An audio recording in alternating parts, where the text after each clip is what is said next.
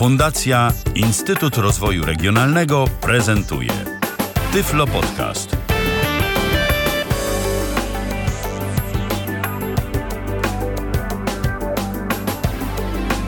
Kalendarzu dziś mamy czwartek, to 17 dzień lipca 2014 roku.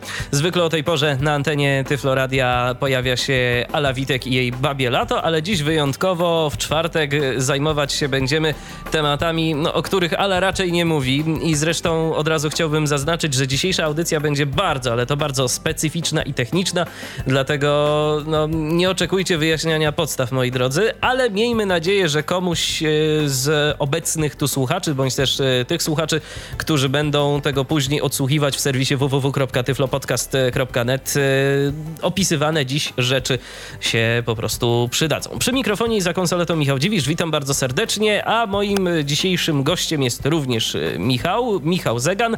Witam cię Michale bardzo serdecznie. Witam serdecznie.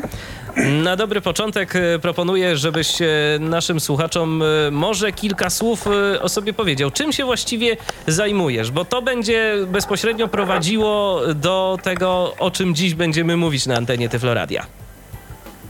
To znaczy, może ja się najpierw oficjalnie przedstawię. Ja nazywam się Michał Zegan, jestem z Krakowa i mam 20 lat, a jestem zainteresowany informatyką, szczególnie programowaniem i administracją, systemami operacyjnymi, serwerami, szczególnie Linux, ale czasami także, czasami także zajmuję się Windowsami, chociaż o wiele mniej mam z tym doświadczenia. Dziś nie będziemy mówić o programowaniu, natomiast o tej drugiej kwestii, e, która Cię interesuje jak najbardziej, będziemy dziś rozmawiać o administracji serwerami, o konfiguracji tych e, urządzeń oraz e, o tym, jak sobie radzić w różnych nietypowych sytuacjach, albo po prostu jak sobie poradzić w sytuacji, kiedy jesteśmy niewidomi. I kiedy, no, co tu dużo kryć, musimy czasem wykazać się nieco większą wiedzą niż nasi widzący koledzy po fachu, którzy sobie część rzeczy, a szczególnie w tych nowszych dystrybucjach systemów, nawet i serwerowych, są w stanie bardzo łatwo wyklikać. No my czasem musimy podziałać trochę więcej. Oczywiście, że tak. Do, dobry administrator, dobry administrator wiersza komend się nie boi. To myślę, że się ze mną zgodzisz. Na Linuxie dobry administrator nie używa niczego innego. Okej, okay. no a z Windowsem to wiadomo różnie bywa. Jeżeli ktoś, to wiadomo. jeżeli ktoś miałby ochotę do nas zadzwonić i o coś zapytać, to oczywiście jak najbardziej jest taka możliwość. Jesteśmy do Waszej dyspozycji. Y, można dzwonić do nas za pomocą telefonu antenowego z krakowskiej strefy numeracyjnej. Nasz numer to przypomnę 123 834 835 123 834 835. Jesteśmy także do Waszej dyspozycji na Skype'ie. Już Skype jest dostępny. Nasz login to tyflopodcast.net, pisane tyflopodcast.net. No to Michale, zacznijmy od y, może samego, samego początku, czyli tak naprawdę jak to jest z tą instalacją serwerów, bo y, ja już wspominałem o tym, że będzie to audycja y, raczej techniczna, ale powiedzmy sobie jedną rzecz y, na samym początku. My dziś nie rozmawiamy o serwerach jako aplikacjach y, obsługujących różne usługi, tylko serwerach w takim klasycznym znaczeniu tego słowa stoi sobie maszyna gdzieś tam w jakiejś szafie serwerowni, gdziekolwiek są tacy, Na co... upartego tak. może być i domowa. Prawda? Oczywiście, są tacy, co w piwnicy trzymają serwery, bo dobry klimat.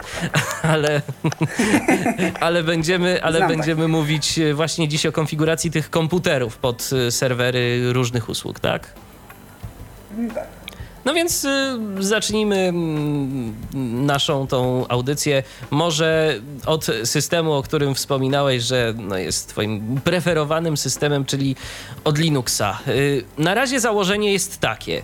Komputer, który jest tym serwerem i który będzie nam służyć jako serwer, jest z nami fizycznie. Mamy do niego fizyczny dostęp. To co my możemy zrobić, żeby sobie ułatwić życie? Jak w ogóle zacząć? Co zrobić, jak żyć? E, to znaczy, mm, czy przyjmujemy, że, ser, że system operacyjny jest, czy nie jest jeszcze zainstalowany? No, przyjmujemy, że nie jest, no bo musimy od czegoś zacząć. Dostajemy, rozumiem, że dostajemy czysty czysty, yy, czysty serwer, który nie ma, nie ma nic. Ma dyski, tylko puste. Możemy, możemy bezpiecznie ściągnąć e, obraz systemu Linux i możemy go zainstalować. Oczywiście możemy zrobić to, możemy zrobić to normalnie, czyli za, używając oka, prawda, czyli osoby widzącej, która nam by pomagała.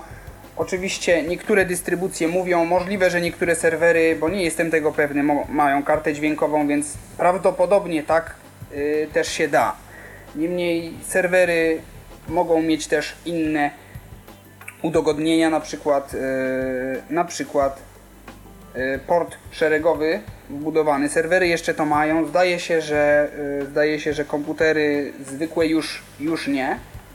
Niemniej jest to, jest to bardzo, bardzo przydatna rzecz, ponieważ Linux często potrafi działać Linux potrafi działać w takim trybie, że całe wszystko jest przesyłane na konsoli szeregowej i można także z niej wpisywać, wpisywać polecenia, przez co widzimy wszystko, ale tylko w trybie tekstowym systemu. Zwykle jest to dostępne bez problemu w przypadku kiedy w przypadku kiedy yy, nasz yy, w przypadku kiedy nasz port szeregowy jest fizyczny budowany, kiedy nie jest to przejściówka. Linux obsługuje też wykorzystywanie przejściówek e, USB.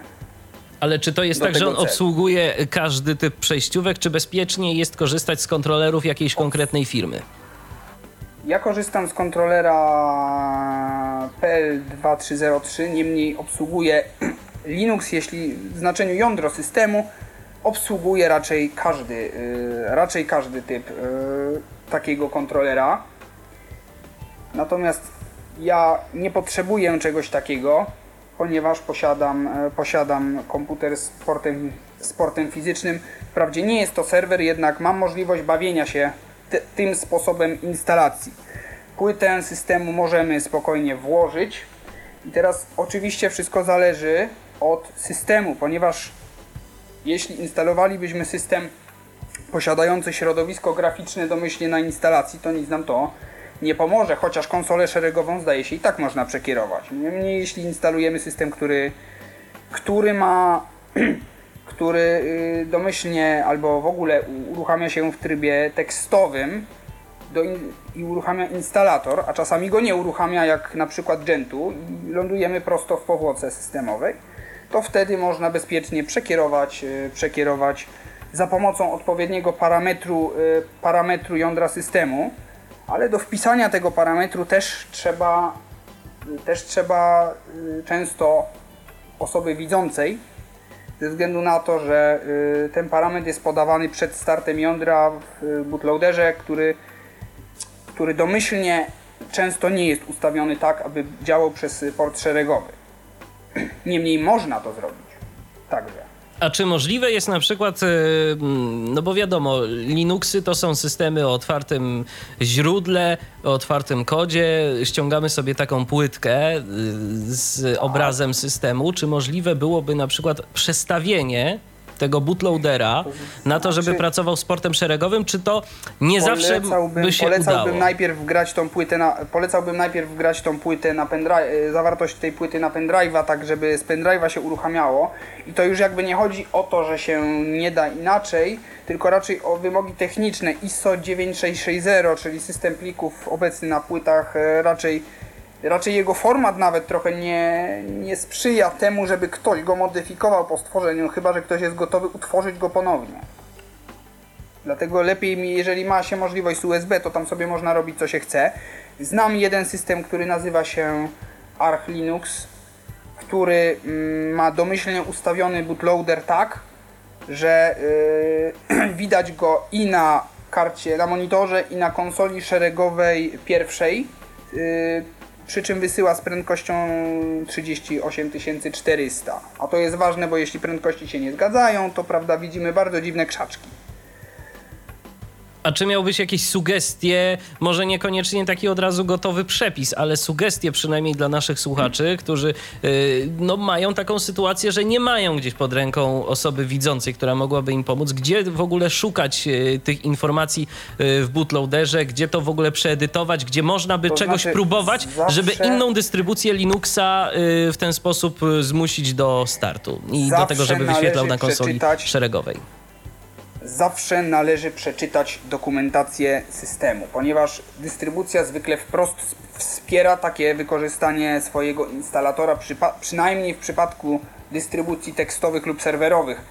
Eee, Z tego, względu, z tego względu często może być tak, że w instalatorze będzie prosto pisać, jak to zrobić. Niemniej yy, i często można poradzić sobie bez przekierowywania bootloadera, bootloadera na poziomie płyty CD, bez przekierowywania go na port szeregowy ze względu na to, że często wymaga to na, na przykład poczekania, aż bootloader się załaduje. Jesteśmy na pierwszym elemencie, który zwykle oznacza uruchomienie systemu, wciskamy tab, wpisujemy odpowiednią rzecz, najlepiej ze spacją na początku, wciskamy Enter po chwili widzimy, widzimy nasz system przesyłający nam dane do konsoli, widzimy wszystkie komunikaty startu jądra systemu, a potem dalej. No bo nie wszystkie zależy od konfiguracji. No dobrze, ale to wspomniałeś na razie o jednym y, końcu łańcucha, czyli o mm, systemie, który wysyła te dane. No ale teraz Tak. może powiedzmy słów kilka o tym, jak te dane odebrać, bo konsola szeregowa wszystko fajnie, ale gdzie te dane mogłyby wylądować, żebyśmy byli w stanie z nich skorzystać? Jak się do tej konsoli dane? podpiąć? Mm, Tak, te dane mogłyby spokojnie wylądować w naszym, jeśli mamy oczywiście drugi komputer, najlepiej laptop, to oczywiście w laptopie. Laptopy nie posiadają oczywiście fizycznych portów szeregowych, niemniej tutaj przejściówka jakakolwiek problemu nie stanowi. E, W systemie Windows możemy użyć programu PuTTY, który normalnie znany jest jako program służący do logowania się na system e, operacyjny, e, zwykle Linux czy inne Unixy przez, przez protokół SSH. Niemniej potrafi też uzyskiwać dostęp do portów szeregowych, a nawet do nazwanych potoków, które maszyny wirtualne często używają w zastępstwie portów szeregowych. I można wpisać, e, wpisać na przykład COM1, wpisać odpowiednie parametry i połączyć się. Niemniej do tego też potrzebujemy specjalnego kabla, który nazywa się kablem null modem, który możemy kupić. Ja taki kabel posiadam i taki kabel można pod, podłączyć z jednej strony do naszego, do naszej przejściówki lub jeśli jakimś cudem mamy fizycznego portu szeregowego, a z drugiej do e, portu szeregowego znajdującego się na naszym e, komputerze, który będziemy, na którym będziemy instalować system, czyli zwykle e, serwerze. No i okej, mamy to wszystko podpięte, y, to co możemy zrobić dalej? Załóżmy, że komunikaty nam się pojawiły, już wszystko, wszystko działa, wszystko jest ładnie, pięknie i teraz y, jakie są kolejne kroki? Oczywiście nie będziemy tu przeprowadzać y, użytkownika za rękę przez proces całej instalacji systemu, no bo y, myślę, że właśnie Linuxów jest- wiele i tu, prawda, y, każdy system rządzi się trochę, trochę innymi prawami, ale może przynajmniej, Michale, opowiedziałbyś tak y, z grubsza ogólnie, na co warto zwracać uwagę i mm, jakich rzeczy To znaczy- pewnych się trzymać. To zależy wszystko, jak, tak, jak, y, tak jak było powiedziane, to wszystko zależy od dystrybucji systemu, ponieważ niektóre dystrybucje posiadają instalator, niektóre go nie posiadają. Przy tych, które go nie posiadają, tak czy tak, niezależnie od tego, czy patrzymy przez monitor, czy, czy używamy monitora, czy, czy przez konsolę szeregową, będziemy widzieć y, powłokę systemu. Jeśli go posiadają, zazwyczaj, bo jeśli nie, to mamy problem, e, uruchomi się normalny instalator w trybie y, tekstowym i będziemy mogli instalować tak, jak robilibyśmy to normalnie. E, jedyne na co należy ogólnie zwrócić uwagę podczas łączenia się, e, to żeby wszystkie parametry się zgadzały. Prędkość, e, parzystość, bity stopu i tak dalej. To wszystko musi się zgadzać, żeby ta komunikacja przebiegała poprawnie. Ponadto mam nawet doświadczenia, że laptop z odpowiednio wolnym procesorem może nie nadążać, na przykład netbook z Intel Atom może nie nadążać e, przy, wysyłaniu, przy odbieraniu danych i można mieć potem dziwne, dziwne rzeczy, niemniej nadal to działa jakoś. Michale, a jak zwykle wygląda taki instalator y, w systemie? Czy to polega na tym, że wybieramy sobie różne rzeczy z menu, czy to jest raczej wpisywanie konkretnych komend, y, które powodują nam przejście do kolejnych Wpisywanie kroków? komend jest tylko wtedy, kiedy rzeczywiście lądujemy w shellu. W innym przypadku instalator zwykle y, właściwie zawsze polega na tym, że wybieramy z menu. Najwyżej albo wybieramy strzałkami, bo jak najbardziej nawet przez konsolę szeregową da się to zrobić albo wybieramy przez y, wciskanie odpowiednich cyferek. Wy, y, wydaje mi się, że instalator systemu Fedora tak ma, niemniej jego instalator tekstowy jest ubogi, ale na przykład instalator Debiana jest normalnym menu. No właśnie, ale tu poruszyłeś bardzo ciekawą kwestię, która szczerze mówiąc mnie zafrapowała. Y, wspomniałeś o tym, że y, jeżeli mamy jakiś instalator, który mm, jest sterowany za pomocą strzałek, to da się to zrobić. No ale w jaki sposób zauważymy, jako użytkownik y, niewidomy i to jeszcze użytkownik, który dostaje informację no, na konsolę szeregową, gdzieś tam w postaci czystego tekstu, czy dana rzecz jest poświetlona? Czy to jest tak, że w momencie naciśnięcia strzałek to wysyłana jest informacja o, tylko o elemencie podświetlonym? Czy ten element podświetlony jest jakoś znaczy, oznaczony, czy jak to jest inaczej? To znaczy, y, to znaczy w przypadku konsol szeregowych teoretycznie wysyłane są znaki, ale też kody kontrolne. I jest to, prawda, różne protokoły dotyczące różnych sprzętów terminalowych, które kiedyś istniały. I teraz jakby tych specyfikacji nadal się trzymamy, więc jak najbardziej to nie tylko to potrafi, to potrafi o wiele więcej. Potrafi wyświetlać menu, yy, wysyłać dane w różne miejsca ekranu, dokładnie tak samo jak fizyczny ekran, tylko czasem może używać innych sposobów na to. Niemniej, niemniej z grubsza wygląda to właściwie tak samo przypadku, yy, w przypadku screen readerów, jeśli screen reader po naciśnięciu strzałki się gubi, można nacisnąć na przykład polecenie przeczytaj bieżącą linię albo bieżące słowo i na pewno będziemy wiedzieć. Do tej, aż do tego stopnia jest to, jest to podobne.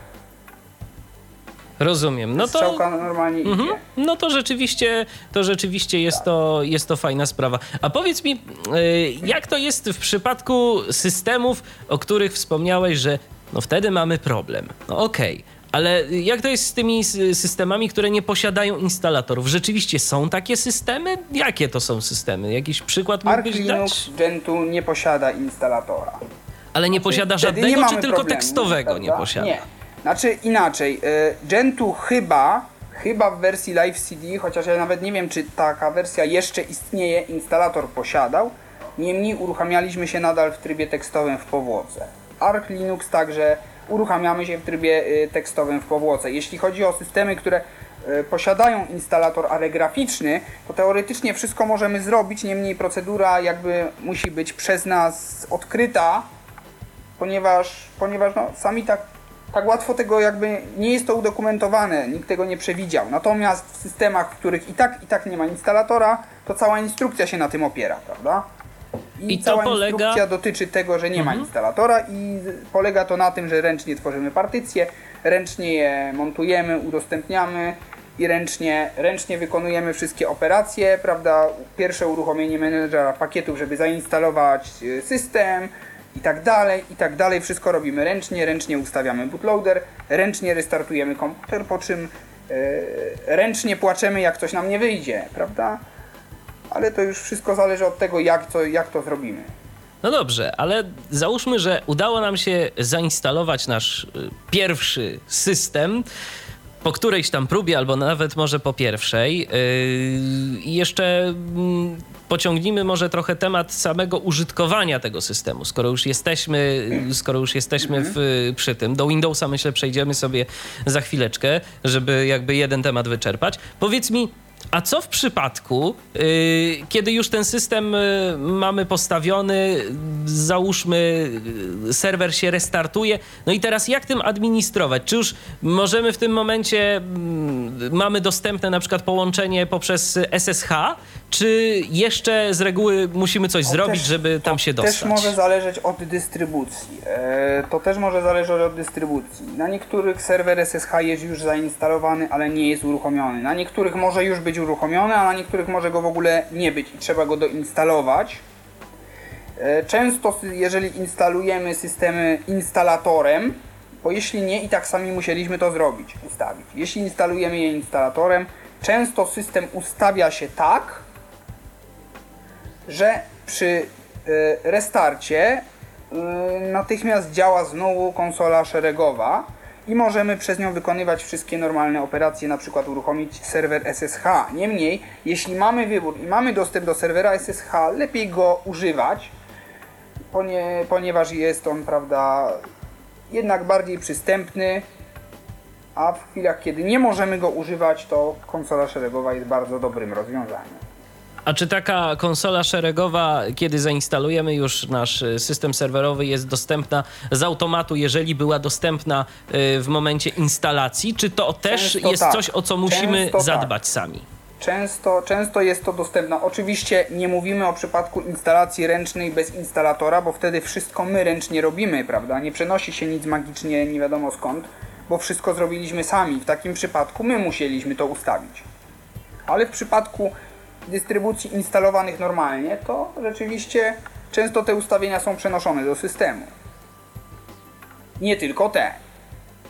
A jakie jeszcze? O jakich warto pamiętać? Y, spotkałem się na przykład tak jakby spotkałem się, ja wyłączałem kiedyś, kiedyś na instalując Debiana wyłączałem zarządzanie zasilaniem. Nie żeby mój komputer miał problem, ale ja miałem jakieś dziwne uprzedzenia. I instalator zapamiętał to po następnym restarcie komputera y, nadal było wyłączone, więc a to się poda, podaje w tym samym miejscu, gdzie y, konfigurację konsoli szeregowej, prawda, w linii poleceń jądra przy bootloaderze. Rozumiem.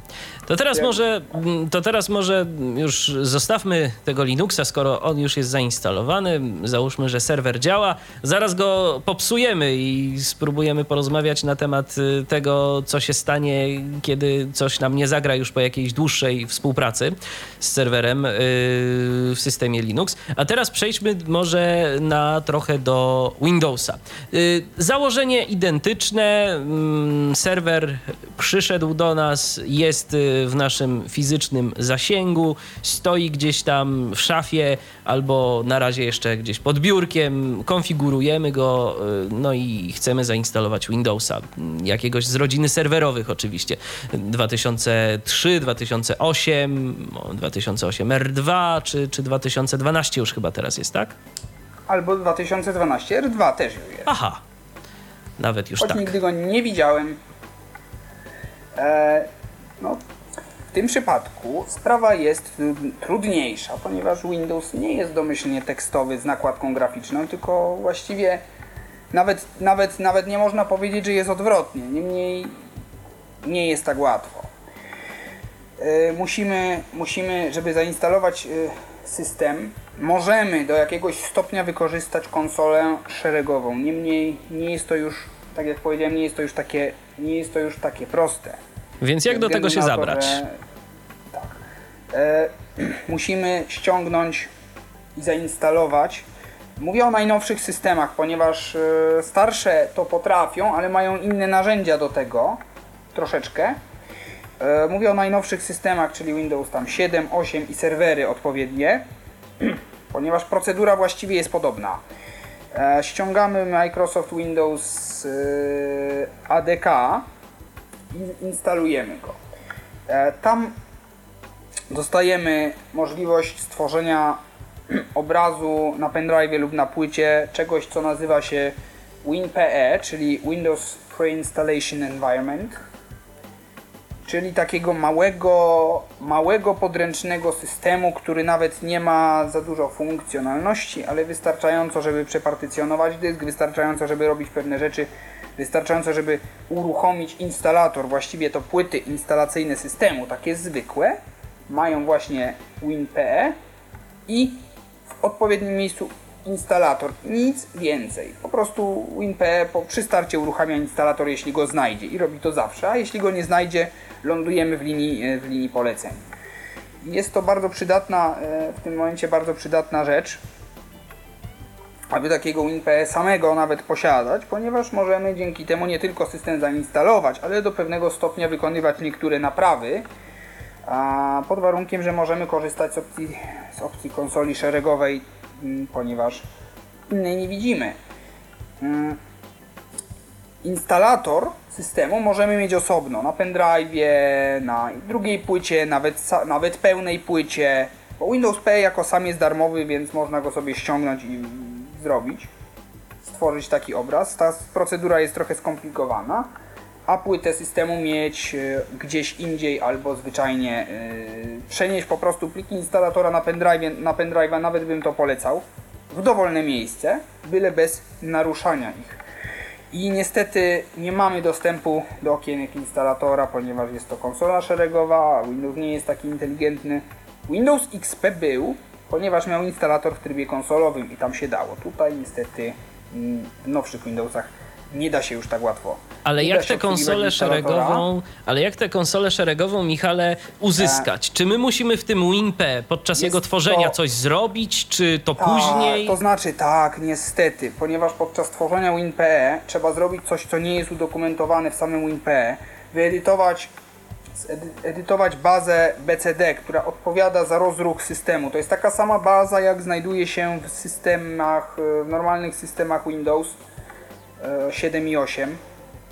Dokładnie taka sama baza. Czy to jest jakiś plik E, która- y, tekstowy, czy to jest, To jest plik, niemniej coś? plik ten nie, nie edytuje się go ręcznie. Ten plik edytuje się za pomocą komendy bcd edit, która jest komendą dość, y, dość skomplikowaną. Niemniej zawie, ta komenda zawiera opcję do, włącz, do włączenia czegoś, co nosi nazwę EMS, czyli Emergency Management Services. Nazwa wcale nie wskazuje na to, że to może służyć do instalacji, raczej do obsługi systemów w czasie awarii i do tego też się przydaje. I możemy włączyć, e, włączyć tą funkcję i ustawić inne parametry e, tak, żeby skonfigurować port szeregowy, ale tym razem uwaga, wymagany jest port fizyczny, tym razem już w ogóle nie ma obsługi przejściówek jakichkolwiek, ani prawdopodobnie nawet obsługi portów, e, które są kartami PCI. Chociaż tego ostatniego nie jestem w stanie zweryfikować. E, więc jeśli stworzymy już obraz Windows PE i zmodyfikujemy go w taki sposób, to y, nasza płyta, czy też pendrive z Windows PE będzie także przesyłać dane przez konsolę szeregową. Wygląda to jednak zupełnie inaczej niż w przypadku y, systemu Linux, ponieważ to co dostajemy przez konsolę szeregową jest y, nosi nazwę SAC, czyli Special Administration Console, która nie jest linią poleceń Windowsa. Z niej można ją uruchomić, jest to jedna z funkcji i można z linii poleceń wywoływać dowolne programy, w tym Setup Exe. A jak ominąć fakt, że nie widzimy okienek, yy, powiem za chwilę. Niemniej można też z niej robić inne rzeczy, jak na przykład wyłączyć komputer, zrestartować komputer lub yy, wywołać blue screena, albo widzieć postęp instalacji. Nie mam na myśli paska postępu, tylko yy, cały dziennik, dziennik instalatora, dokładnie co robi. O wiele więcej szczegółów niż kiedykolwiek zobaczyłby y, zwykły użytkownik. Przy czym mała uwaga, kiedy mówiłem o wyłączaniu komputera, nie miałem na myśli zamknięcia systemu, tylko raczej efekt yy, tak podobny do od, po prostu odłączenia wtyczki yy, od, od zasilania. Niemniej w tym przypadku chcemy zainstalować system i możemy uruchomić CMD-EXE. E, Po uruchomieniu go, kiedy już widzimy, yy, kiedy już widzimy naszą linię komend, możemy uruchomić Setup Exe. Niemniej Setup Exe wywoła okienka, których nawet jeśli zostaną uruchomione przez konsolę szeregową, to nawet na monitorze nie będzie ich widać, więc nie ma z tego żadnego pożytku. Można jednak zrobić to inaczej, tworząc plik odpowiedzi. Plik odpowiedzi to jest taki plik, mm, to jest taki plik, który zawiera instrukcje dla instalatora. Zamiast y, podawać te dane ręcznie z, z interfejsu graficznego, można wszystko wpisać w plik odpowiedzi. Instalator zrobi wszystko sam. Na tej zasadzie działają dyski, y, dyski czy też partycje recovery w laptopach. Na tej zasadzie działa, działają właśnie po, podobne rzeczy. Natomiast można tego też użyć do bezwzrokowej instalacji, nawet bez konsoli szeregowej, ponieważ od, umieszczony w odpowiednim miejscu plik odpowiedzi zostanie automatycznie wykryty, ale w przypadku użycia konsoli szeregowej mamy jedną przewagę. Widzimy dziennik instalacji, widzimy co się dzieje i na dodatek wybieramy sposób uruchomienia instalatora, plik odpowiedzi i w ogóle i w ogóle ścieżkę do instalatora, więc mamy pełny wybór. Nawet wybieramy obraz systemu, bo możemy je mieć jeszcze osobno od instalatora. Wszystko mamy większą swobodę, mimo że nie taką jak moglibyśmy chcieć. Nie widzimy tych okienek. W pliku odpowiedzi można ustawić wszystko, jak y, na jakich partycjach ma się zainstalować, a nawet, że ma je stworzyć, y, jakie jest hasło administratora, mimo tego, że to akurat jest część, którą normalnie wykonuje się dopiero po instalacji. Można ustalić, yy, można ustalić chyba nawet konta użytkowników, jakie ma, mają zostać stworzone, że ma być wyłączona domyślnie zapora, yy, firewall i wiele, wiele, wiele innych opcji, których jest naprawdę bardzo, bardzo dużo i o wiele więcej niż ma instalator w trybie graficznym. Yy, przy czym trzeba uważać, żeby podczas tworzenia takiego pliku zaznaczyć, że akceptujemy yy, licencję a może nawet jeszcze będzie trzeba wpisać klucz produktu w ten plik odpowiedzi. Niemniej, kiedy już go stworzymy i dostarczymy, można go wykorzystać przy uruchamianiu instalatora i w logach zobaczymy, co się dzieje, potem system się zrestartuje. W zależności od tego, co zrobiliśmy dalej, e, wylądujemy albo w oknie logowania, jeśli aż tak dokładnie skonfigurowaliśmy ten plik odpowiedzi, a jeśli tylko część instalacyjną skonfigurowa e, skonfigurowaliśmy, to w przypadku serwerów nie ma konfiguracji takiej jak w przypadku systemów desktopowych.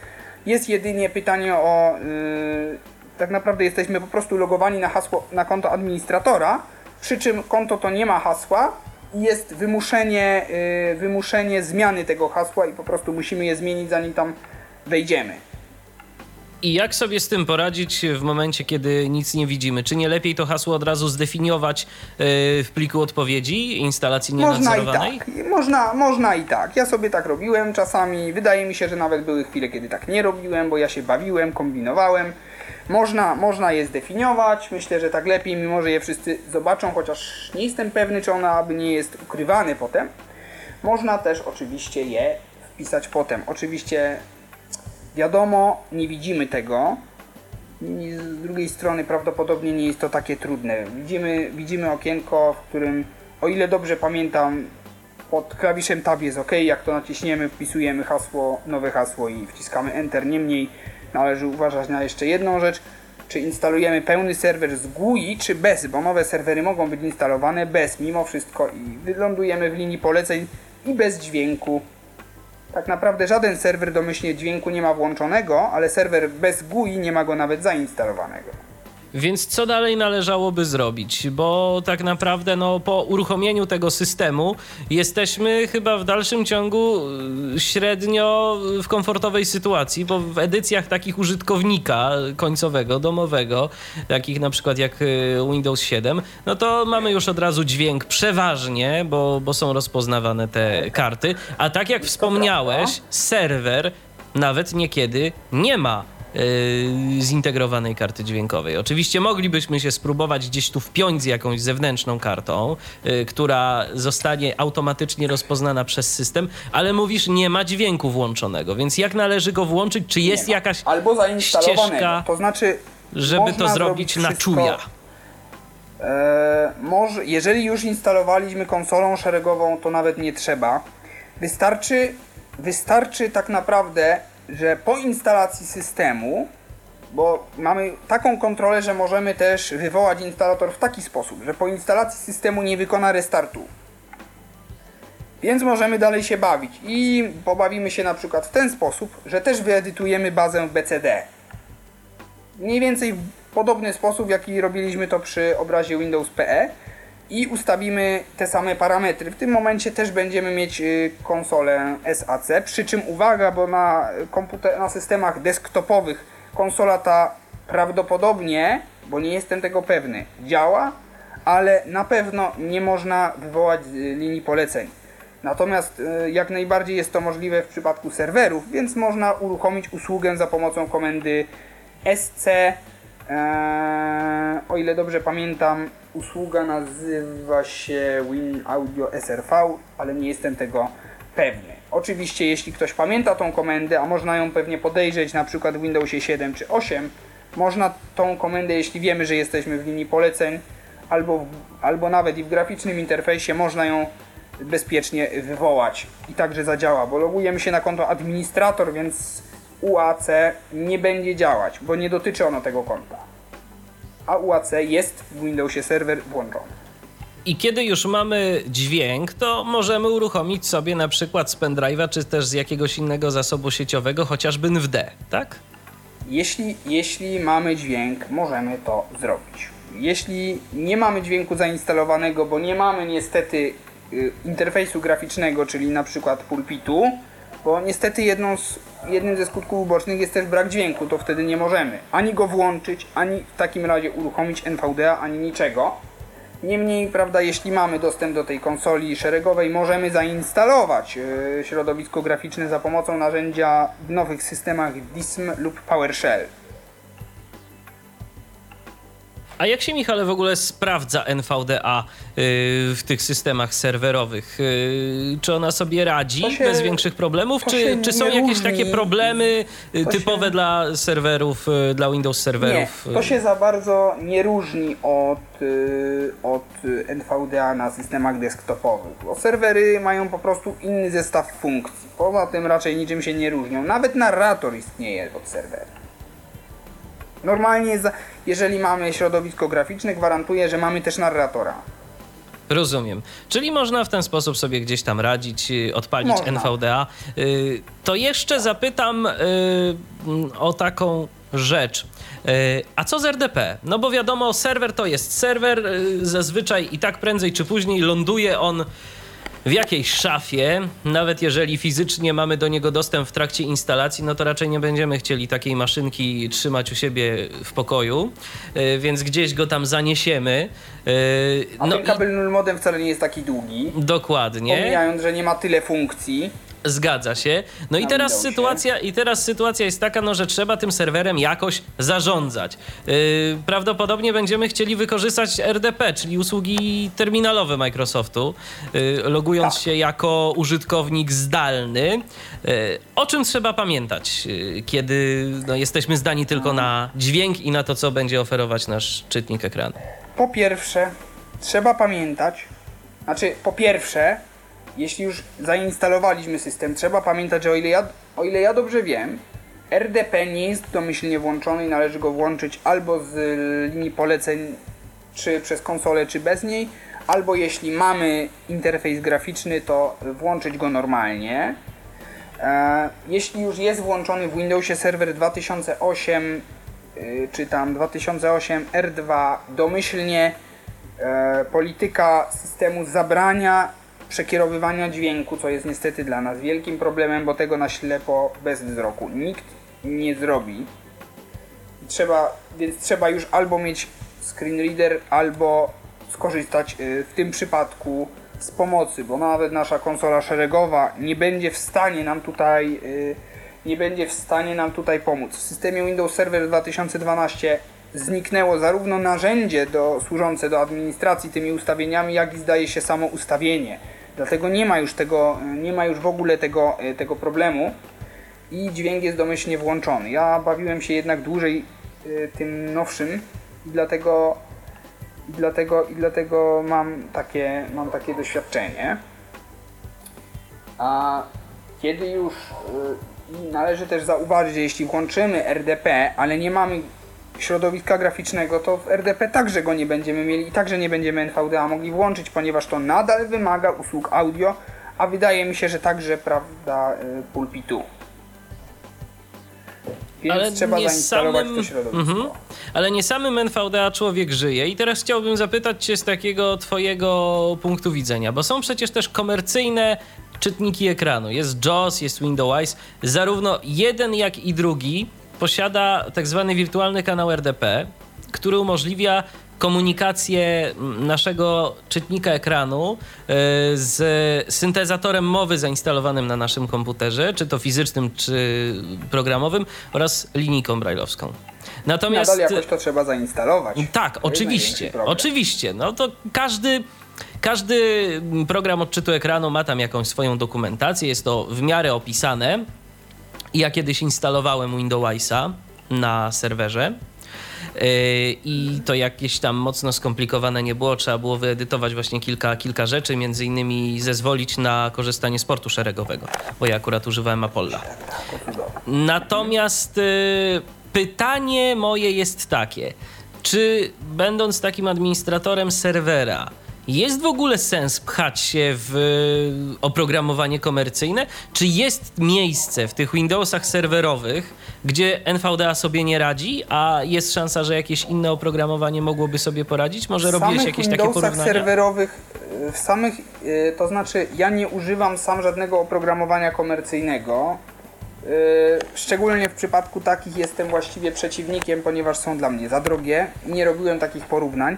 Niemniej sądzę, że NVDA raczej sobie radzi yy, z Windowsem Server bez żadnego problemu. Jeśli chodzi o wirtualny kanał RDP, wiadomo, że mm, działa to całkiem inaczej niż przekierowywanie dźwięku i wymaga mniej łącza. Niemniej jednak yy, preferuję, przynajmniej na razie preferuję jednak przekierowywanie dźwięku bo nawet, nawet posiadam serwer Windows Server 2008 R2 w Poznaniu i jestem sam w Krakowie i jakoś to działa i wcale nie aż tak źle, więc myślę, że nie ma takiego wielkiego problemu, mimo że więcej łącza obciąża.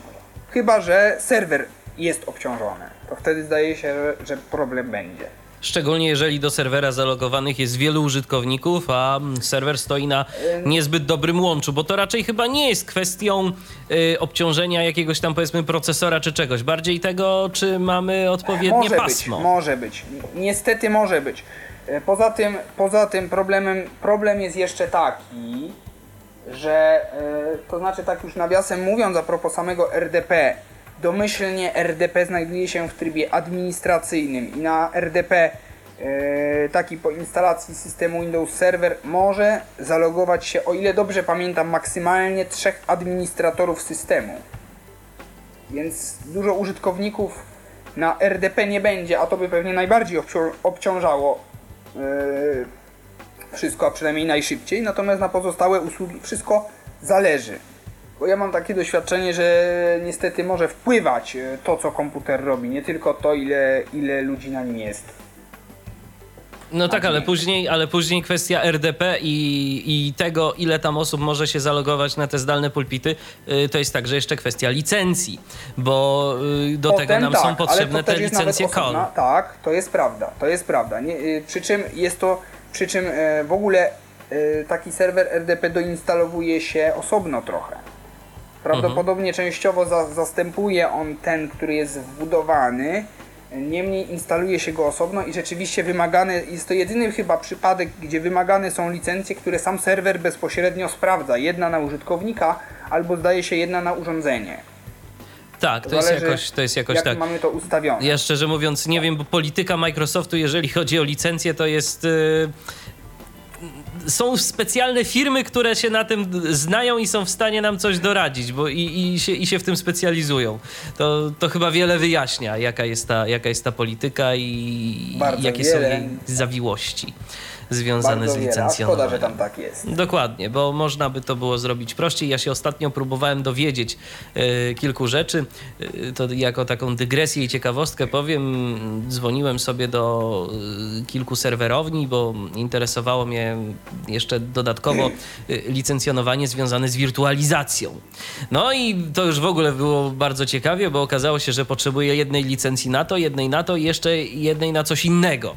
A te licencje są w cyklu cyklu abonamentowym, przynajmniej część z nich. Więc e, no, no ale nie oszukujmy się, już takie e, serwery. Więc używajmy Linuxa. Tak, już takie, już takie serwery, które, które mamy, no to Microsoft na tym zarabia całkiem sporo, szczególnie jeżeli to jest dużo tego typu urządzeń i, i, i tam się loguje dużo użytkowników, no bo raczej nikt sobie nie stawia serwera po to, żeby, no, żeby sobie tak był, żeby tam, nie wiem, był zdalny komputer gdzieś, na który się można zalogować.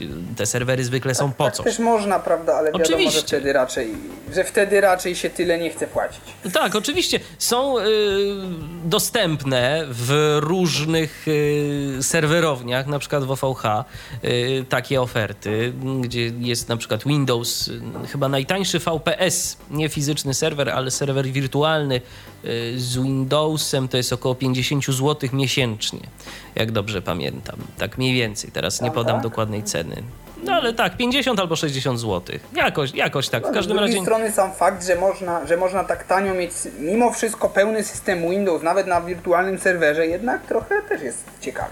Dokładnie. Bo Ostatnio. jednak jest to tanio w porównaniu do, do ceny Windowsa ogólnie serwerowego, który kosztuje kilka tysięcy złotych, Zgadza o się. ile dobrze pamiętam.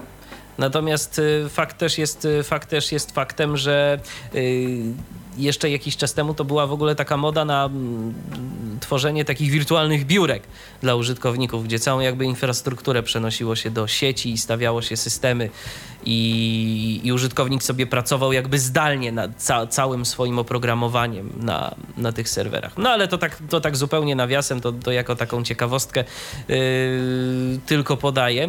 A teraz wróćmy, Michale, może znowu do Linuxa. I mm, jak y, już powiedziałem, popsujmy trochę ten system. Bez względu na to, co tam się, co tam się Właśnie stało. mi się spalił, oczywiście żartowałem. Bez względu na to, co tam się stało, system w pewnym momencie może No byle nam się nie odmówić. spalił oczywiście. no właśnie, no byle się nie spalił, no bo Wtedy wtedy problem. bez fizycznej y, ingerencji to już się wtedy na pewno nie obejdzie. Ale załóżmy Można, właśnie... można próbować uruchomić stopioną płytę główną w trybie awaryjnym. Będzie bardzo ciekawie. Dokładnie.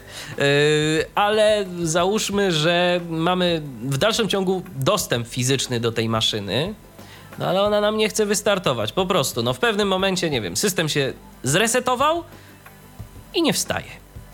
I co teraz? Coś tam jest jakiś błąd w trakcie działania, prawda? Robi bardzo dziwne rzeczy. Właściwie nie wiadomo co, ponieważ tak naprawdę wszystko zależy od tego, co, co się zepsuło. Ale przyjmujemy, że mamy dostęp do konsoli mm, szeregowej, ponieważ bez tego tak łatwo nam wcale nie będzie. E, zwykle systemy operacyjne Linux mają kilka możliwości uruchamiania ich w trybie ratunkowym.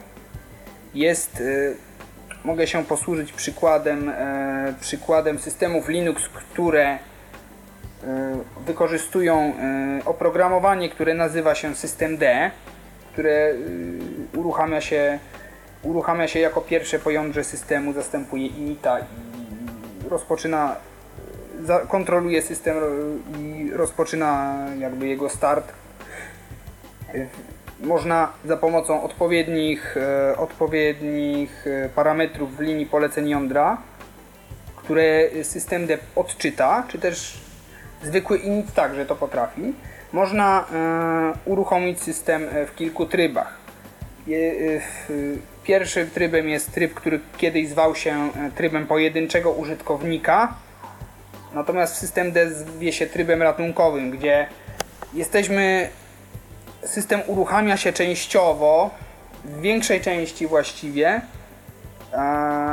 Dyski są montowane, yy, uruchamia się część najważniejszych usług i w tym momencie zamiast kończyć uruchamianie systemu yy, przez włączenie tych normalnych rzeczy, które zwykle są na serwerze, lądujemy, y, lądujemy w shellu, ale musimy podać hasło roota, czyli prawda, super użytkownika systemu. Po, po jego podaniu otrzymujemy, e, otrzymujemy powłokę i możemy robić co chcemy, bo oczywiście nie, wie, nie wiadomo co się zepsuło. Niekoniecznie musiało się zepsuć coś, coś tak, y, coś na tyle daleko, żeby, żeby to był problem, żeby uruchomić w trybie ratunkowym. Jeśli, ale może to być problem. Może być tak, że coś się na przykład nie chce zamontować na tyle ważnego, że w tym momencie system uznaje, że on się zawiesi. Yy, No trudno wymyślić jakieś, jakieś, jakieś, jakieś przyczyny awarii, skoro prawda, nie widzimy tego w tej chwili. Niemniej istnieje możliwość, że tak się nie da. Jest drugi tryb, który nazywa się emergency. E, Tak się nawet wpisuje w linię poleceń jądra. Parametr nazywa się emergency. W tym trybie, właściwie ten tryb wygląda identycznie z jednym wyjątkiem. W tym momencie program init czy też system D uruchamia się i natychmiast od razu, bez jakichkolwiek wcześniejszych działań lądujemy, w, y, lądujemy y, tak, że możemy wpisać hasło. E, I w tym momencie jakby nic, nic co się dzieje po y, system D nie może nie wystartuje. Więc a zwykle problemy, jeśli już są, to są tak późno. E, I możemy też, też możemy wykonywać różne, różne operacje dowolne, y, z tym, że należy uważać na to, że wtedy zwykle dysk jest zamontowany w trybie tylko do odczytu, y, że jest zamontowana tylko główna partycja, y, nie, nie ma zamontowane nic innego, prawie nic, poza prawdopodobnie systemami plików jądra systemu więc trzeba uważać, przemontować, a jeszcze może czasami wrócić do poprzedniego stanu, czasami może i zrestartować. To wszystko zależy od tego, co usiłujemy naprawić. Można też, e, można też, chociaż to już jest bardzo dziwne, niemniej czasem przydatne, zastąpić, e, zastąpić program init. Nie chodzi o zamianę samego pliku programu, jednak można jądru, do jądra systemu wpisać taki parametr, żeby zamiast programu, który normalnie uruchamia, uruchomił na przykład bezpośrednio powłokę, a ponieważ uruchamia powłokę, to mamy tym razem dostęp bez hasła, jakiegokolwiek. Lądujemy prosto z jądra systemu w powłokę, która jest pierwszym i jedynym procesem w systemie. I w tym momencie mamy właściwie te same możliwości, ale bez y, żadnego hasła co oznacza, że możemy na przykład w ten sposób zresetować hasło administratora, ale należy uważać, ponieważ ta powłoka zastępuje init, a init jest szczególnym procesem. No systemd także, jako że uruchamia się jako pierwszy proces. Jest to bardzo szczególny proces, bo jeśli się go zamknie, cały system natychmiast się zawiesza, niezależnie od tego, ile innych procesów by było uruchomionych. On jest tak ważny, więc w momencie, gdybyśmy wpisali przez przypadek exit, jądro systemu wyświetli kernel panic i mamy problem, albo raczej właściwie pewnie go nie mamy, bo równie dobrze moglibyśmy go zrestartować z przycisku i nic by się pewnie nie stało, pod warunkiem, że upewnimy się, że jest w bezpiecznym stanie, żeby coś takiego, coś takiego zrobić. No i ponadto, ponadto wiele systemów posiada mm, y, sterowniki dysków nawet, a w modułach, które znajdują się w takim obrazie, który nazywa się Initial RAM File System. E, często używa się go też do montowania na przykład dysków szyfrowanych do yy, LVM-a, znaczy menedżera woluminów logicznych, które system bezpośrednio nie wykryje. Niemniej one też często mają możliwość zatrzymania się w jakimś momencie startu swojego, ponieważ one, ponieważ sterownika dysku nie ma jeszcze, to one startują zamiast niego ładują wszystkie sterowniki, wszystko montują i dopiero, dopiero uruchamia się nasz system, więc też można je wykorzystać, żeby przerwać w jakimś momencie uruchamianie. Czasem się da wybrać jeden punkt, w którym można przerwać, czasem kilka, czasem pewnie się w ogóle nie da, ale jeśli się da, można też zatrzymać i można i można, i można też wykorzystać, y, bo tam też mogą być często problemy, na przykład, że nie można dostać się do partycji szyfrowanej. Często jeśli w tym przypadku, często jeśli są problemy, zostaniemy może nawet automatycznie wyrzuceni do powłoki. Bez naszej ingerencji. I za pomocą tych trybów, o których powiedziałeś, yy, można próbować yy, ratować system, tak? Można próbować tak, wyszukiwać mo go, błędy tak, jakieś można, w działaniu. Tak. Znaczy zwykle, zwykle robimy to, ponieważ właśnie same się znalazły, prawda? I czasami przypadku Initrans wyrzuci nas od razu do powłoki. Czasami ręcznie to wywołujemy, żeby nas wyrzuciło, nawet, nawet jako bezpieczną alternatywę dla zamiany Inita, o której wcześniej mówiłem, e, ponieważ Initrans uruchamia się, uruchamia się najpierw, a potem uruchamia Inita, zastępując się nim.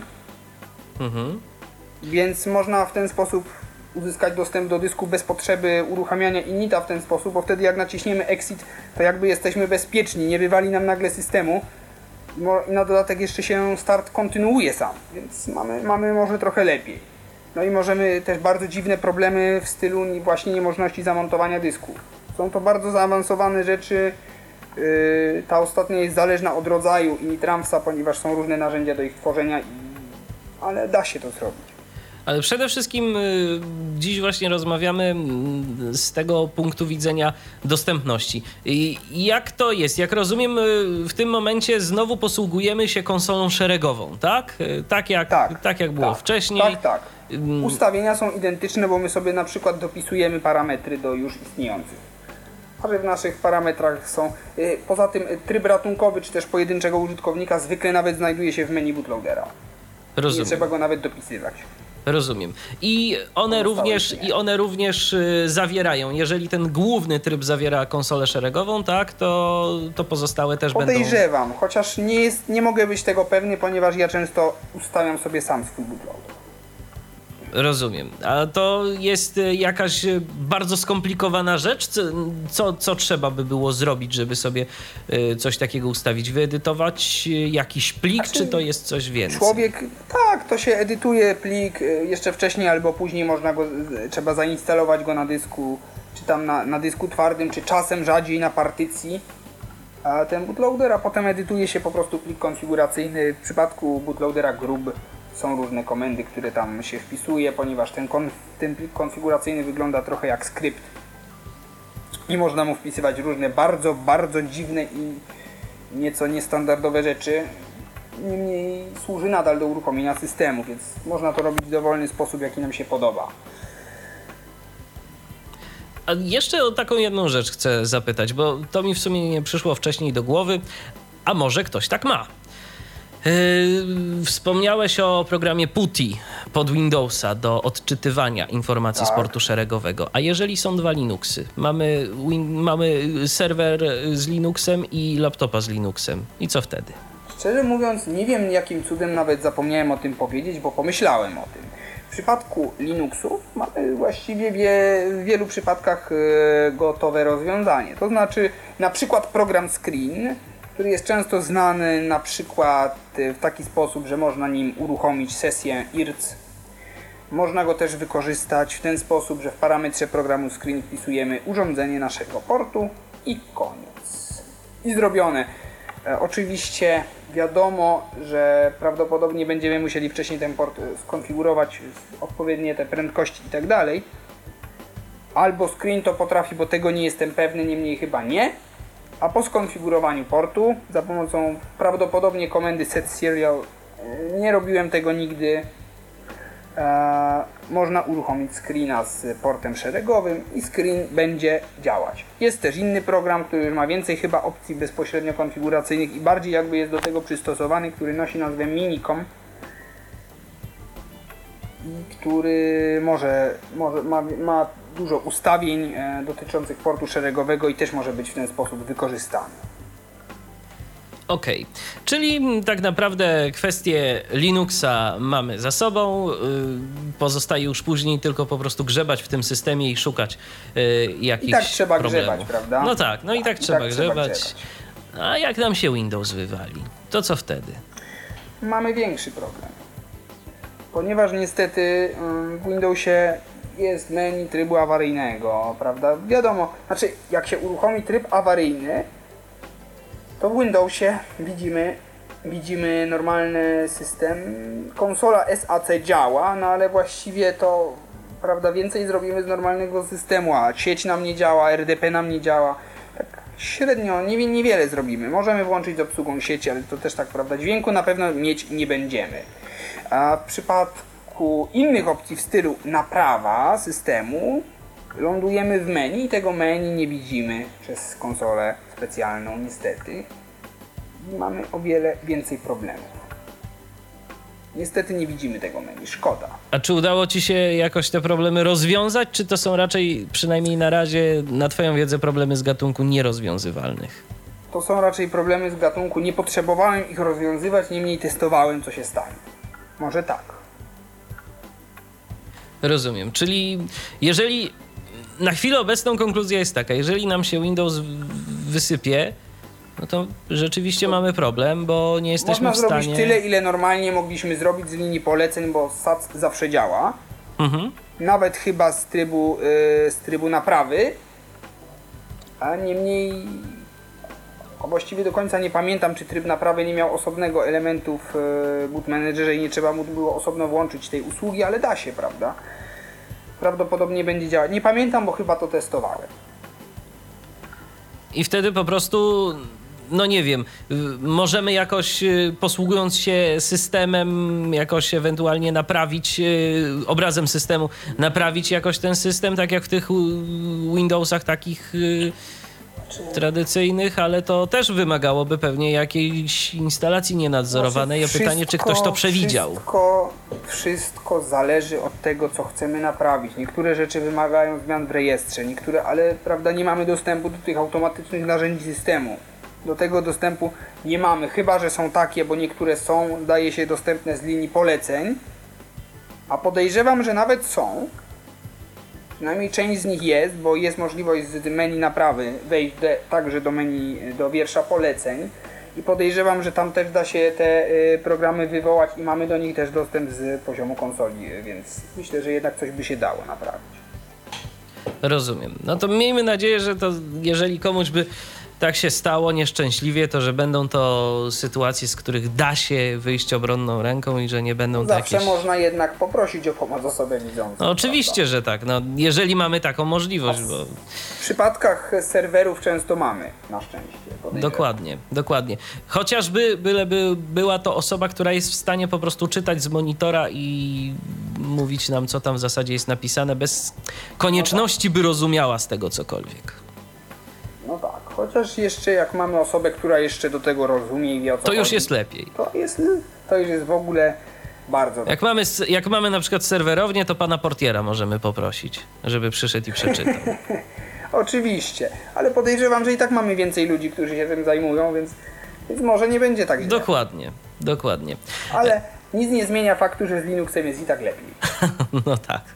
To teraz przejdźmy do mm, takiego ostatniego jakby naszego poddziału dzisiejszej audycji, a właściwie do działu drugiego i zarazem ostatniego, chociaż myślę, że jeszcze na koniec też sobie porozmawiamy o takich ró- różnych innych rzeczach, ale mm, jak na razie ja celowo podkreślałem i mówiłem zawsze to, że zakładamy, że serwer, którym się opiekujemy, który stawiamy, który konfigurujemy, jest w naszym fizycznym zasięgu.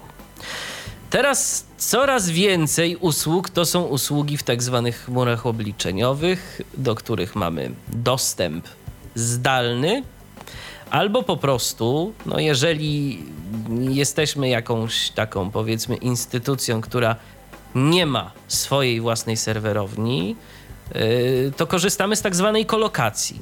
Czyli po prostu umieszczamy sobie nasz serwer w jakimś pomieszczeniu bardziej do tego przystosowanym, lepiej do tego przystosowanym, płacimy odpowiednie miesięczne opłaty za prąd i miejsce oraz pasmo. Zwykle, choć nie zawsze dość duże.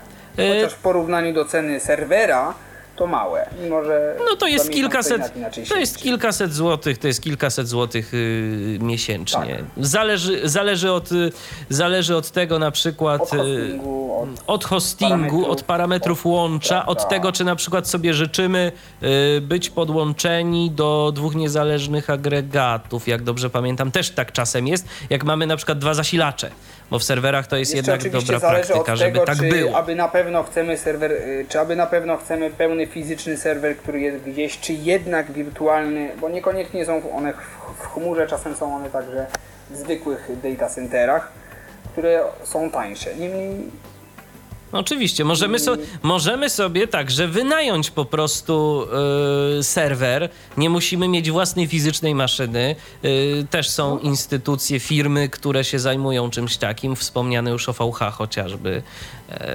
ma takie oferty.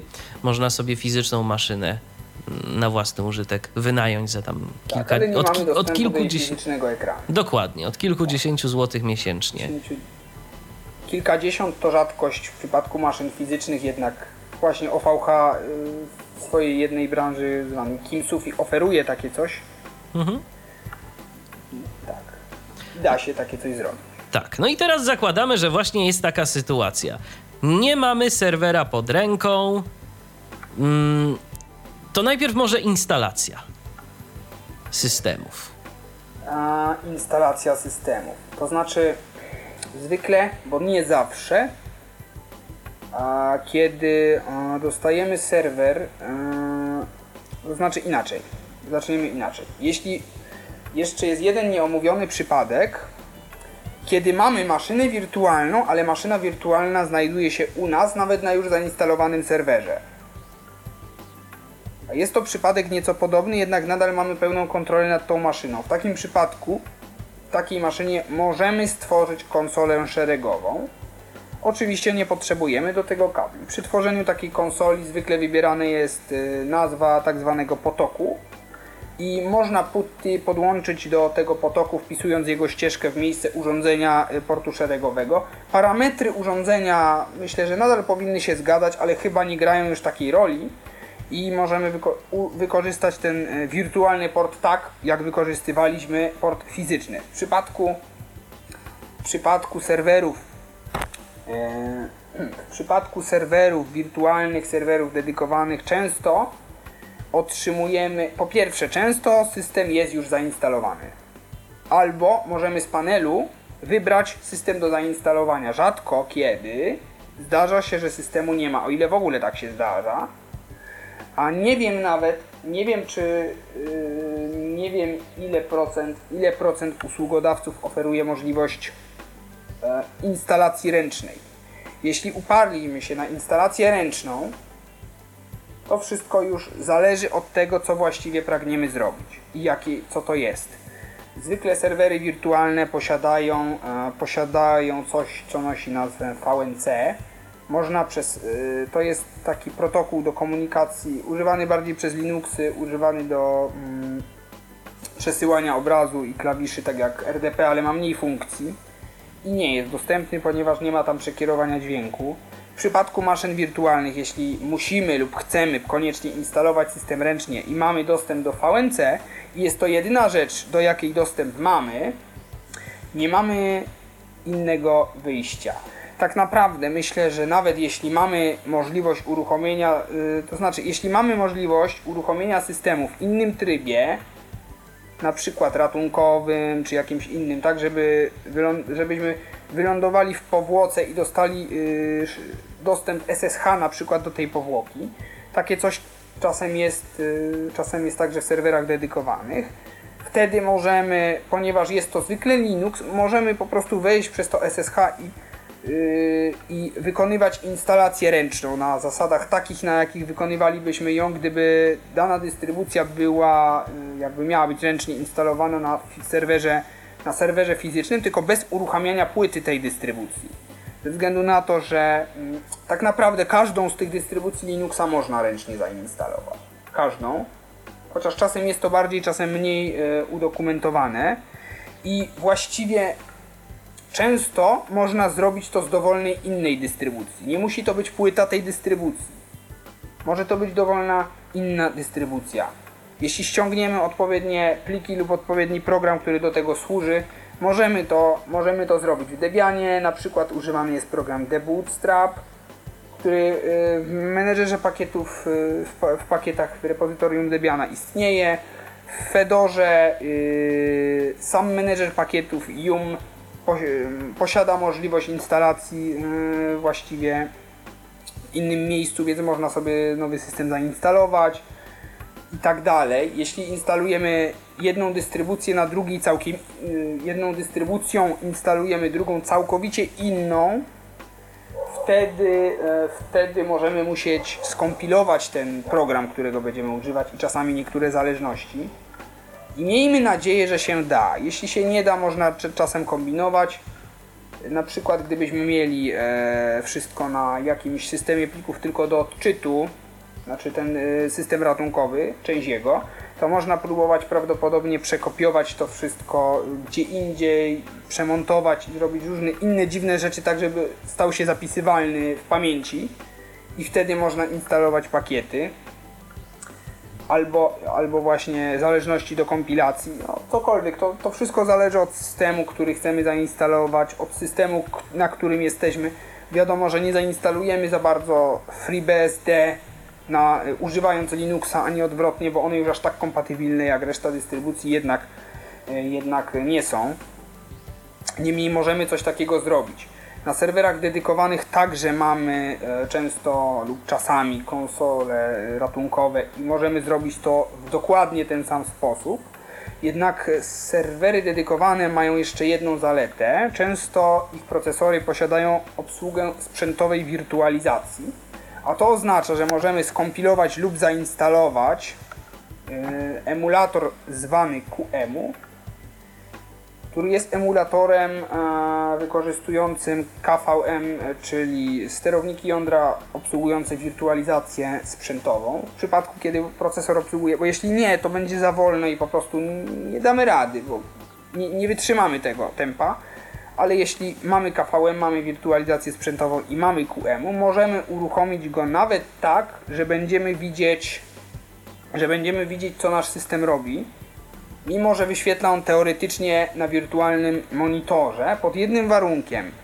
A system ten nie może przełączyć karty graficznej w jakikolwiek tryb graficzny. Jeśli to zrobi, to nie widzimy nic. Widzimy tylko, że karta jest w trybie, jest w trybie graficznym. A a w jaki sposób możemy się do tego KVM-a dostać, yy, kiedy już by nam się udało go uruchomić? Czy to jest też przez jakiś port szeregowy, czy to się łączymy po prostu Putin na jakiś port? Jak to wygląda? To znaczy, to znaczy, jeśli mamy na myśli serwer dedykowany, gdzie mamy uruchomiony system ratunkowy i dostaniemy się do systemu ratunkowego, to wtedy możemy jako QEMU jest zwykłym pro programem. Instalujemy sobie go, ponieważ KVM już działa, prawda? Jest to tylko moduł jądra systemu.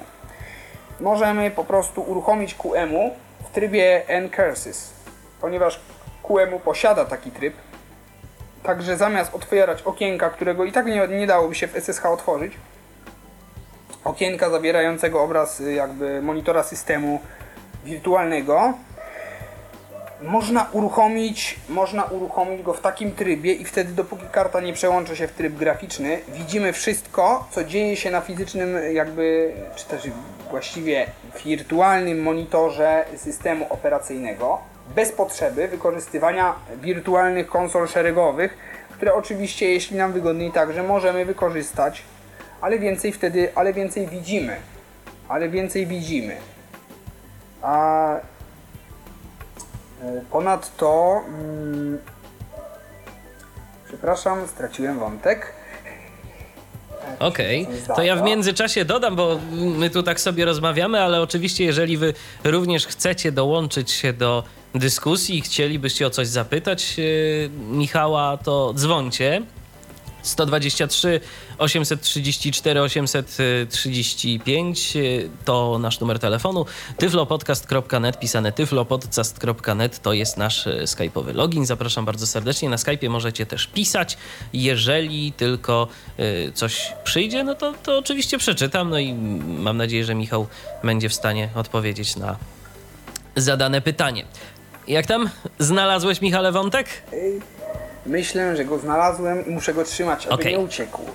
E, w każdym, e, w każdym razie, jaki, jaki jest sens? Dlaczego ja mówię w ogóle o maszynach wirtualnych? Podobno mamy instalować fizyczny serwer, a jesteśmy w systemie ratunkowym, a nie na systemie z dysku. Ale właściwie to żaden problem, ponieważ można uruchomić maszynę wirtualną. Ona jak najbardziej jest wirtualna, ale tak, żeby jej wirtualne dyski były podłączone i w tej samej kolejności do dysków fizycznych serwera. Wtedy na wirtualnym komputerze uruchamiamy fizyczny system operacyjny, wykonujemy na nim fizyczne zmiany i go wyłączamy maszynę wirtualną, a po restarcie fizyczny system działa fizycznie tak jak powinien. E, ale dotyczy to tylko Linuxa. W przypadku Windowsa trzeba wykonać troszeczkę więcej, zdaje się, pracy, żeby takie coś zadziałało. Niemniej bo Windows, bo Windows e, ma zapisane w rejestrze, jakie sterowniki są wymagane, no to nie będzie się zgadzać. Niemniej także się da. Dokładniej mówiąc, po instalacji Windowsa e, i uruchomieniu go e, w maszynie, po instalacji i uruchomieniu Windowsa w maszynie wirtualnej, w momencie kiedy chcemy go wyłączyć i włączyć w trybie fizycznym, musimy wykorzystać komendę sysprep y, z odpowiednimi e, przełącznikami, tak aby, tak aby się system zdekonfigurował, a da się tak zrobić. I w tym momencie jakby pierwsze uruchomienie fizyczne będzie jego e, uruchomieniem konfiguracyjnym. Niemniej potem już raczej tego systemu nie należy ruszać, a Linuxa spokojnie można. Linuxa spokojnie można ruszać.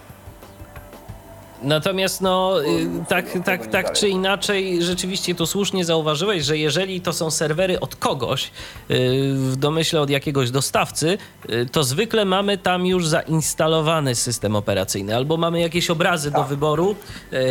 Ostatnio na przykład Tak. bawiłem się Amazonem, chmurą obliczeniową Amazona, to tam nawet mają, wyobraź sobie, tak stary system jak Windows 2003 w wersji 32-bitowej. Jedyny 32-bitowy system, jaki mieli z Windowsu. No cóż, no pięknie. No, jeżeli komuś potrzebny, to oczywiście może sobie chociaż ze zainstalować. sposobów, w jaki to mówiłeś, to myślałem, że mieli Windows 3.1, no ale... No nie, no bo to nie był. Windows serwerowy, to prędzej już jakieś No NT4.0. tak, no ale wiadomo.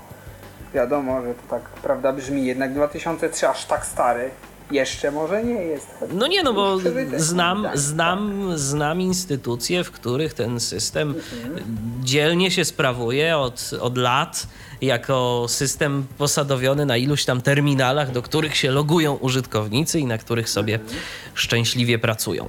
Natomiast e, tak, to w kwestii instalacji systemu, w kwestii naprawy, myślę, że też można by było zastosować tą sztuczkę, tak? O której mówiłeś. Tylko w przypadku, kiedy używamy maszyn wirtualnych, znaczy inaczej, ponieważ jeśli uruchamiamy w trybie ratunkowym, to wiadomo, że e, jeśli mogliśmy zainstalować system, ponieważ mamy dostęp do wszystkich fizycznych lub tam wirtualnych, bo nie wiem, czy to jest VPS czy dedyk, dysków, można e, ten dostęp uzyskać i naprawiać co bądź. Jeżeli chcemy zobaczyć już, co dokładnie się dzieje, zobaczyć proces startu, zobaczyć te błędy i naprawiać go w taki sposób, w jaki robilibyśmy to z fizyczną maszyną z jakichś powodów, czyli uruchamiać w trybach awaryjnych i tak dalej, to wtedy musimy już mieć tą dedyka i maszynę wirtualną, bo inaczej to naprawdę się nie opłaca.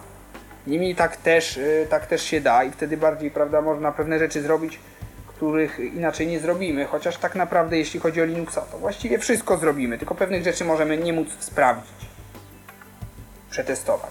A co z Windowsem? No a z Windowsem, tak jak powiedziałem, nie ruszać. Jak chcemy się bawić w ręczne edytowanie rejestru Windowsa z Linuxa, to proszę bardzo.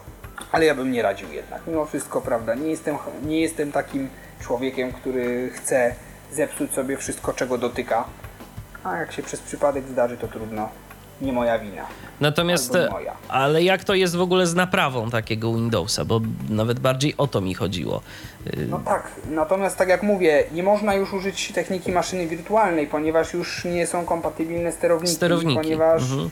no, i już się nie da. A inne metody z tego systemu ratunkowego to, prawda, samobójstwo raczej. Czyli w zasadzie, ale, ale, w zasadzie, czy o, użytkownik widzący, kiedy nie ma fizycznego dostępu do, do tegoż urządzenia, Użytkownik widzący raczej ma to- dostęp do VNC, ale tak jak powiedziałem, nie ma on przekierowania dźwięku, więc użytkownik niewidomy już tego dostępu Już nie tego ma. dostępu nie ma, no tak.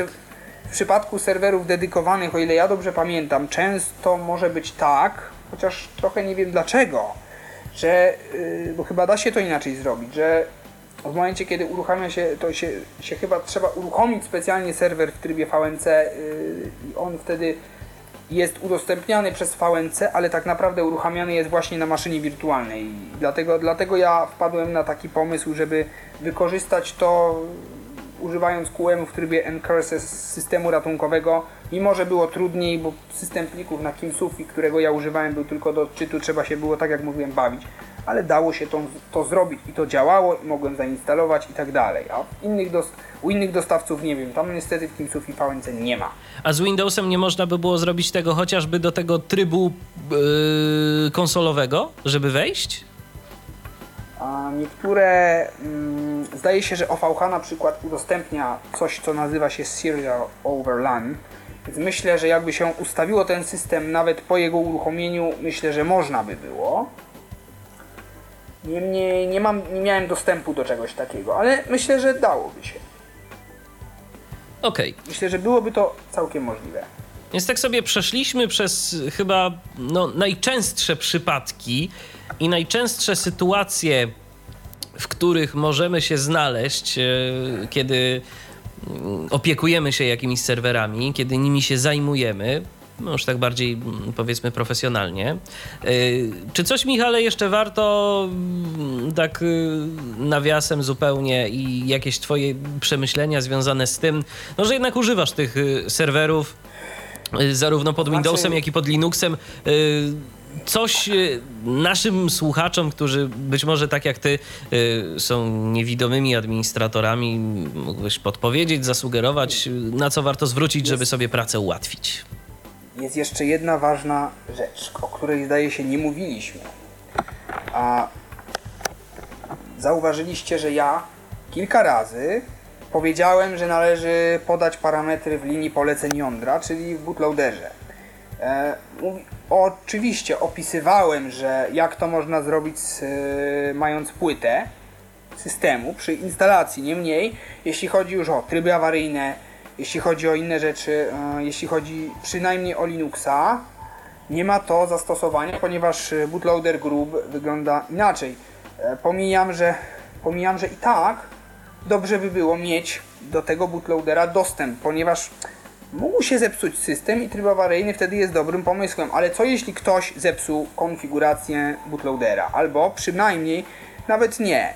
Co jeśli system został zepsuty, na przykład w ten sposób, że właśnie źle, źle zainstalowało się jądro systemu i teraz mamy problem, ale mamy stare jądro. Jak to uruchomić bez y, osoby widzącej?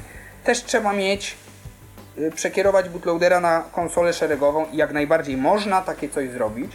Bootloader posiada takie komendy, które to umożliwiają. Mało tego, co jest ciekawe, bootloader grub obsługuje niektóre przejściówki USB.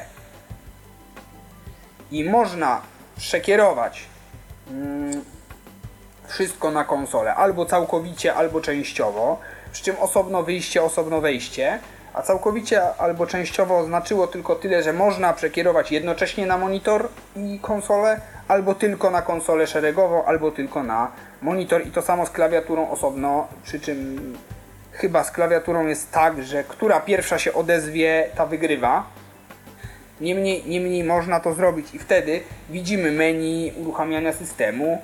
Możemy edytować linię poleceń za pomocą klawisza E. Widzimy tą edycję, widzimy co robimy, bo tam już tak łatwo nie dopiszemy sobie parametru bez oka. Możemy wejść w linię poleceń bootloadera, bo ten bootloader taką linię poleceń posiada i wpisywać dowolne komendy w dowolnej kolejności, widząc co się dzieje i tak dalej. No i możemy uruchomić nasz system, który przejmie konsolę szeregową. W przypadku Windowsa, co ciekawe, tutaj lepiej niż e, w przypadku e, samego Windowsa, to znaczy z bootloaderem, czy właściwie boot managerem, ponieważ istnieje możliwość włączenia, e, włączenia usługi EMS za pomocą parametru boot EMS dla usług uruchamiania systemu. Osobno dla boot managera, dla y, na przykład diagnostyki pamięci systemu Windows, y, na przykład dla e, właściwie dla, dla systemu, dla, dla wszystkiego. W takim przypadku bootload, boot manager wyświetli, jeśli oczywiście mamy na tyle systemów, albo go jakoś zatrzymamy, tak żeby wyświetlił jakiekolwiek menu. Bootloader w takim przypadku naprawdę wyświetli pełne menu rozruchu systemu przez konsolę szeregową. Będziemy mogli wybrać, nacisnąć Enter. Mało tego, będziemy mogli nacisnąć F8 i wybrać tryb uruchomienia systemu, czyli tam tryb normalny, tryb awaryjny, naprawa i tak dalej. Tak jak powiedziałem, dalej już, prawda, trudniej, bo nie, nie, nie zobaczymy menu naprawy, ale to jednak możemy zrobić. Na dodatek jeśli mamy dysk zaszyfrowany na przykład BitLockerem, który y, wyświetla hasło podczas uruchamiania systemu, to jeśli bootloader jest tak skonfigurowany, y, że y, wyświetla dane przez konsolę szeregową, zobaczymy też monitor hasło. Co jest już bardzo fajną rzeczą.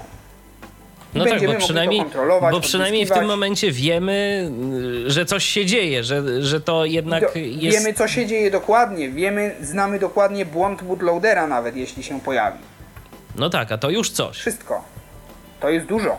To jest dużo, mimo że potem system już nie, nie jest taki miły. W przeciwieństwie do Linuxa, który i w bootloaderze, i w jądrze systemu jest bardzo miły pod tym względem i można go wykorzystywać tak.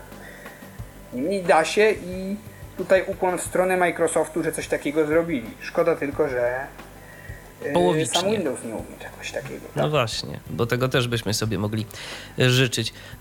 To jeszcze tak na koniec zapytam, bo mówiliśmy o systemach, mówiliśmy o tym, jak sobie radzić w różnych przypadkach, no ale jest jeszcze jeden taki bardzo podstawowy system, który także czasem zmusza nas, żeby w nim pogrzebać. Mam na myśli BIOS. Tu się jakoś da z tym y, można sobie poradzić? Y, oprócz uczenia się na pamięć, czy niestety nie bardzo? O ile dobrze wiem, i to mówię teraz, mówię teraz jedynie o y, niektórych serwerach. Przy czym tak jak nie widziałem tego jeszcze. Niektóre BIOSy, co dotyczy także innych firmware'ów takich jak UEFI, mogą działać w trybie przekierowania do konsoli szeregowej. W takim razie, o ile dobrze wiem, wszystko co pisze na ekranie, pisze w konsoli szeregowej. To znaczy wszystko co używa do tego celu BIOSu. To oznacza z kolei, że jeśli nasz bootloader e, używa BIOSu do pisania, nie trzeba i nawet się chyba nie powinno konfigurować go do użycia konsoli szeregowej ze względu na to, że już to robi BIOS. I tak zobaczymy, zobaczymy. Niemniej większość komputerów nie posiada takiej opcji. A szkoda. ROM w komputerach jest szkoda. Niemniej ROM w takich komputerach, znaczy zauważ, że większość komputerów ogólnie nie posiada nawet portu szeregowego. Niemniej te, które posiadają, też nie mają zawsze takiej funkcji. A właściwie chyba zwykle jej nie mają. Poza tym, e, poza tym ROM w BIOSach, znaczy firmware jest zbyt mały, żeby prawdopodobnie, żeby pomieścić coś takiego jak screen reader używający na, nawet karty dźwiękowej albo czegoś. Niemniej myślę, że byłoby to bardziej możliwe w UEFI, który jest rozszerzalny, ale prawdopodobnie musielibyśmy coś na dysk instalować. Ale to chyba lepsze niż nic, skoro mamy dostęp do menu y, firmware'a.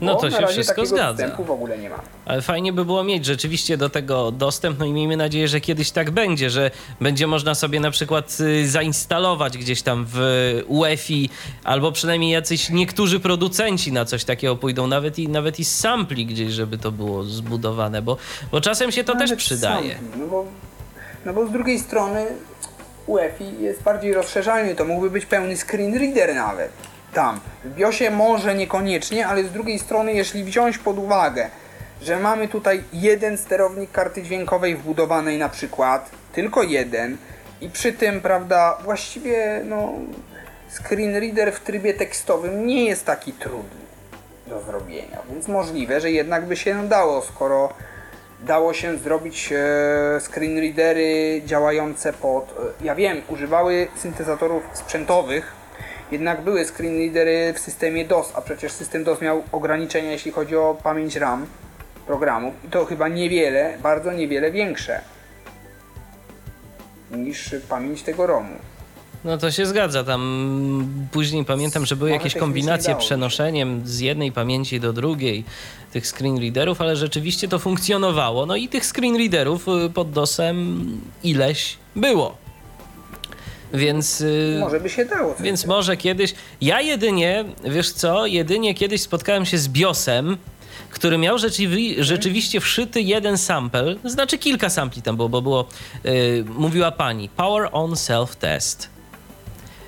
Później na przykład yy, Test Completed nie zdarzyło mi się mm, spotkać z sytuacją, żeby powiedziała, że jest coś failed, ale y, podejrzewam, że też by coś powiedziała na ten temat. Spotkałem się z jednym no. takim BIOSem w swoim życiu, jeden komputer. To też jest całkiem ciekawe, mimo że nam nie pozwala na tyle, ale. Ale jest zawsze jakaś informacja, tak. Tak, ale BIOSy z drugiej strony w ogóle rzadko uzyskują dostęp do karty dźwiękowej. Ja spotkałem Bo się z jednym to takim... nie było przez kartę dźwiękową, to było przez PC speakera chyba jakoś. A nie wiem, no nie wyobrażam sobie tego. Bo to... Speaker raczej nie jest tak... Bo to, na... bo to nie było przez kartę dźwiękową, bo ja wtedy nie miałem nic podłączonego do tej karty. Tylko tam był jakiś głośniczek, y, musiał być ewentualnie, może po prostu na ten cel był, był jeszcze jakiś głośniczek, albo po prostu no, tak zmodyfikowany no, PC speaker. Gdyby oni tak pomyśleli, nawet rzeczywiście robiąc syntezator taki specjalny, który zawsze gada po starcie komputera i irytuje wszystkich widzących. Bo to był komputer, jeszcze dodam, lepsze niż nic. jeszcze dodam, że to był komputer nie żaden specjalny.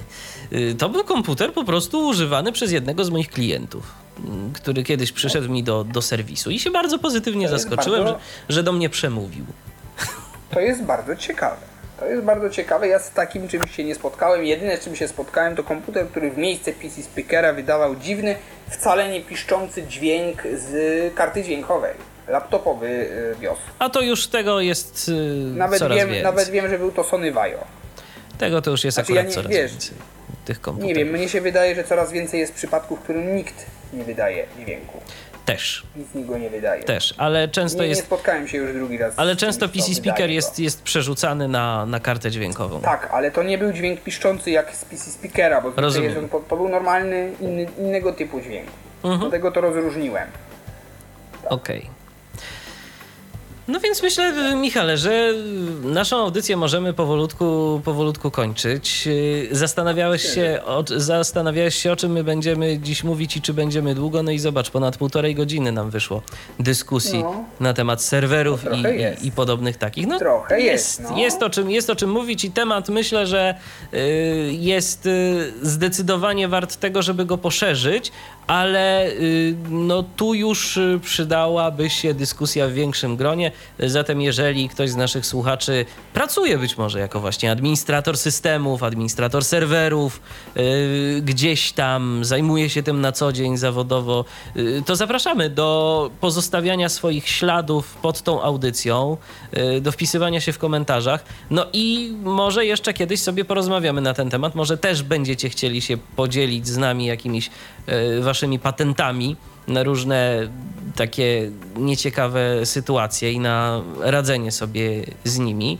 Y, albo może będziecie chcieli o coś zapytać, bo może was interesuje taka administracja systemami i na przykład chcielibyście związać z tym gdzieś tam powiedzmy swoją przyszłość, y, ale macie jeszcze pewne wątpliwości. No to myślę, Michale, że na miarę swoich sił i możliwości postarasz się odpowiadać na, na takie pytania. No, tak, myślę, że myślę, że myślę, że nie będzie problemu. A zatem dziękuję Ci bardzo za udział w dzisiejszej audycji. Gościem e, Waszym oraz moim był Michał Zegan, e, z którym to rozmawiałem na temat administracji serwerami, zarówno w systemach Windows, jak i Linux. Chociaż chyba powinienem odwrotnie powiedzieć Linux, jak i Windows, bo wyszło na to, że jednak Linuxem to się administruje lepiej. Oczywiście więcej możliwości. Dobrze. Ja również dziękuję za uwagę. Michał Dziwisz, kłaniam się. Do usłyszenia. Do następnego Tyflo Podcastu. Był to Tyflo Podcast. Pierwszy polski podcast dla niewidomych i słabowidzących. Program współfinansowany ze środków Państwowego Funduszu Rehabilitacji Osób Niepełnosprawnych.